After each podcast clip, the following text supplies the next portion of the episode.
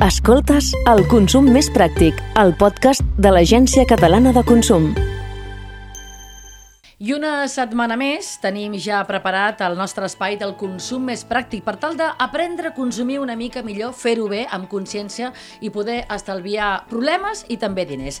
Per això tenim nosaltres justament la Judit Pujol, que és la cap de la secció de consum a Tarragona de l'Agència Catalana del Consum. Judit, molt bon dia. Bon dia, Sílvia. Com estàs? Bé, Bé? ja. Sempre amb temes preparats. Avui volem parlar de les telecomunicacions, perquè, evidentment, eh, les fem servir moltíssim, telefonia, internet, i fa que tradicionalment aquest sector sigui un dels més eh, que reclamacions té mm, per part dels consumidors.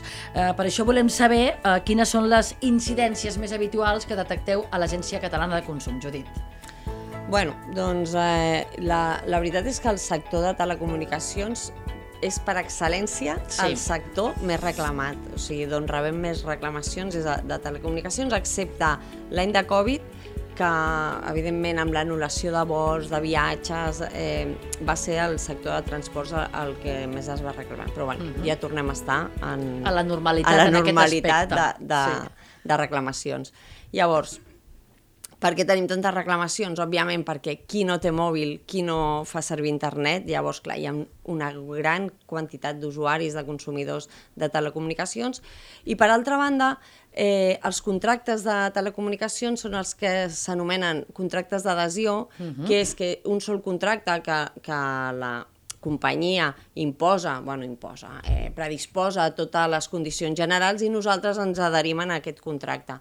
Per tant, clar, eh, entre el gran volum, eh, un únic contracte que fa una sola empresa, això fa que tinguem moltes reclamacions que normalment els motius d'aquestes reclamacions acostumen a ser, doncs mira, eh, mala informació de, la, de les penalitzacions, del compromís de, no? que et penalitzen per no, per no estar X mesos en una Sí. companyia. Doncs el consumidor o no l'han informat o l'han informat malament.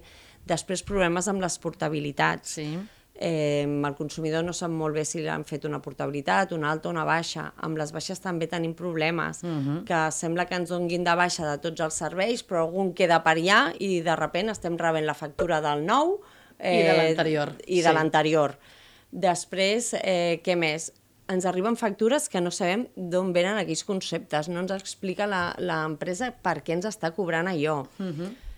I un clàssic, jo contraté a este precio i m'estan cobrando este precio. O sigui, no respecten les ofertes o les tarifes que ens diuen que ens cobraran. Aquests serien els motius més habituals que ens arriben a, a l'agència. Avui no toca, Judit, però un dia hem de parlar quan tu fas una contractació d'algun servei i et diuen que aquella conversa s'està enregistrant i llavors el dia que tu la necessites perquè dius no, a mi això no m'ho vas dir, aquella conversa tu no la pots eh, com tenir mai, ha de ser crec que inclús a través de via judicial, però ells sí que la poden utilitzar. I això fa una ràbia perquè dius no, no, a mi em vas dir que s'estava donant de baixa, que ara parlaves d'això, i a mi m'ha passat, i segurament a molta gent, que t'arriba la factura del nou contracte més la última de l'altre, dius, però si vau dir que estava donat de baixa i no passa, no? Llavors, aquestes gravacions, mm, un dia ho comentem. Un dia ho comentem, tot això. Uh, si volem contractar servei de telefonia, uh, principalment, què és el que hauríem de mirar per no caure en alguna trampa, Judit?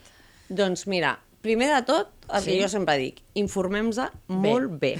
I comparem, comparem amb altres empreses. Pensem que avui en dia les empreses estan obligades a tenir les seves condicions a la plana web, per tant, eh, el que hem parlat tu i jo moltes vegades, eh, jo no em canvio de companyia cada dia. Doncs quan vagi a canviar-me, dedicaré unes hores Sí. a informar-me, a navegar per internet, a mirar què m'està oferint una, què m'està oferint l'altra. Les permanències són molt importants Sí. perquè la gent s'emporta molts ensurts amb, amb les clàusules de permanència i els hi cobren diners. Què més eh, hem de tenir en compte? Hem de tenir en compte que si la contractació la fem per telèfon, el que tu ara estaves dient, no?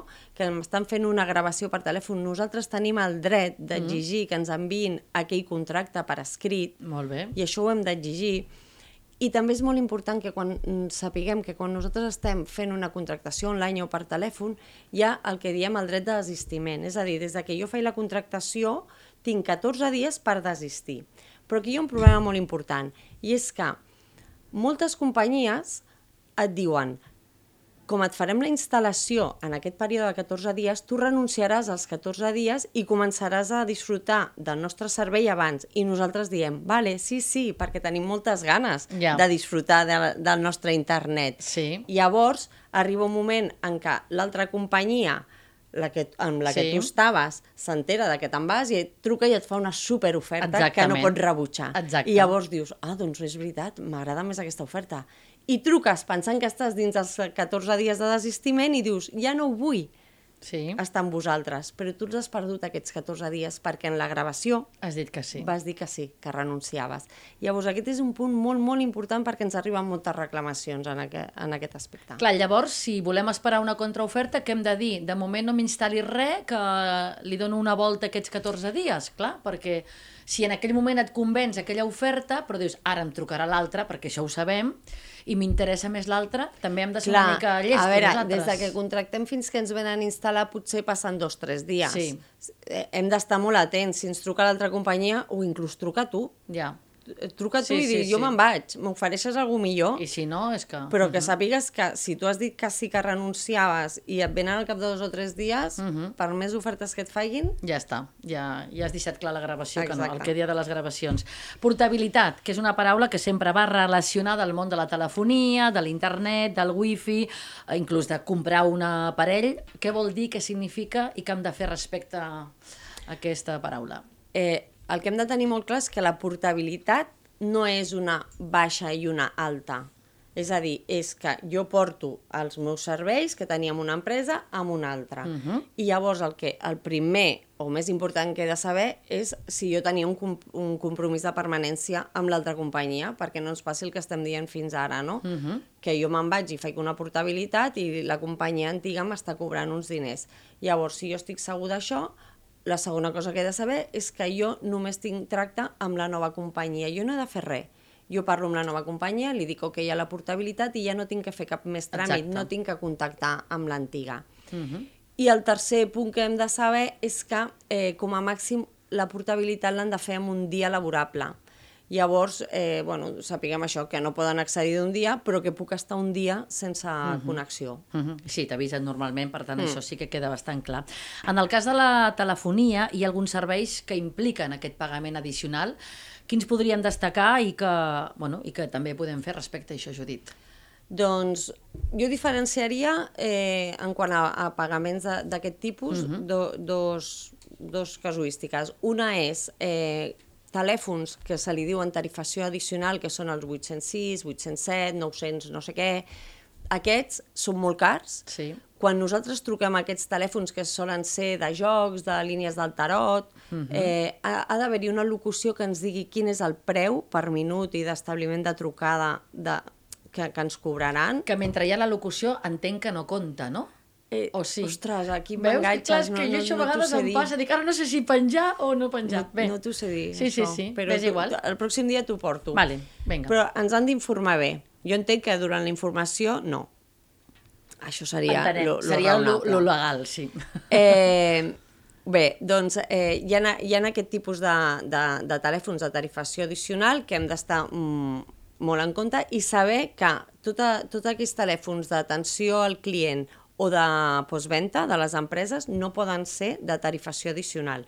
I després, per una altra banda, tindríem els SMS, que són aquells supercars, que se li diuen SMS Premium, mm. Eh, que són més de, de música, de, de, de, de tele, co coses que, però que normalment necessites una subscripció. Sí. Allò que t'apareix en pantalla i tu vas dient acepto, acepto, Sí, acepto, sí, sí. Al doncs no acceptem tant, clar, exacte. no acceptem tant perquè amb uns dels acepto ens estem subscrivint a aquests MS Premium que també són molt cars. Uh -huh. El bo de tot això és que nosaltres tenim la possibilitat de que si no fem servir o, o sabem que no farem servir aquests serveis o, o els nostres fills també, pels nostres fills, perquè nosaltres no volem que facin servir aquests serveis, eh, podem trucar a la companyia i li podem demanar de forma gratuïta, això no, no, no ens poden cobrar res per això, que, que ens limitin uh -huh. les trucades i aquests tipus de serveis, és a dir, no saber-ne res de uh -huh. tot això. A mi em fa gràcia perquè parlaves de concursos, del tarot, aquestes coses, quan ho veus a la tele, sí que surt a baix amb una lletra mínima que ni amb una graduació d'ullera de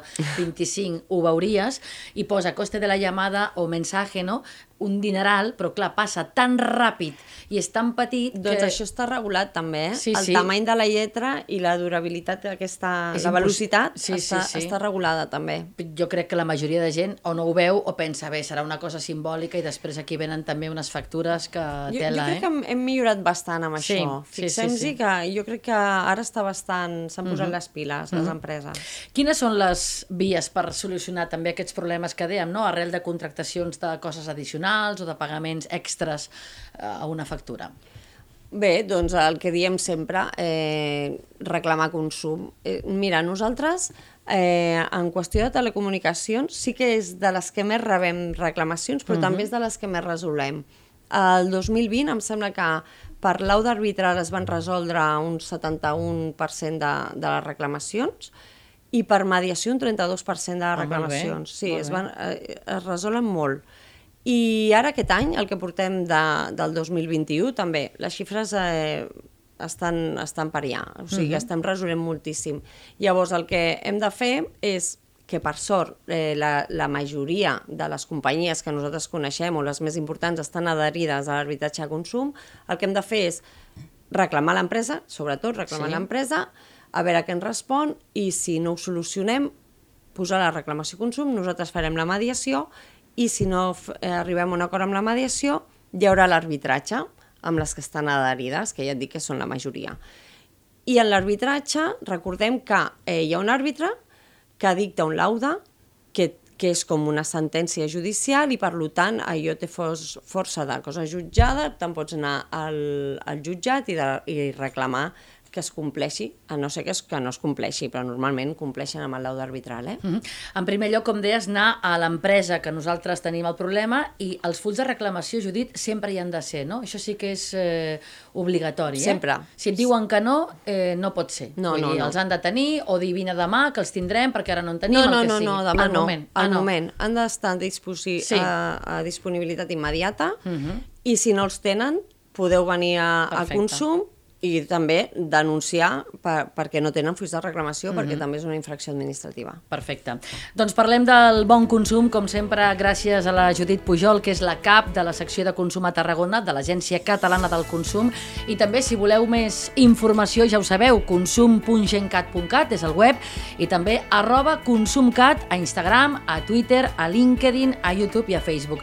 Jo crec que és interessant, no?, també que mirem el web, Judit, i que coses com les que hem explicat avui de la telefonia mòbil o la setmana passada també respecte a la llum, buscar-les al web i, i ajudar-nos una mica sempre és una bona recomanació. De veritat que ho recomano molt perquè està tot molt ben explicat i, i no és gens farragós i podem treure coses molt útils. Molt útils i estalviar diners, que és molt important.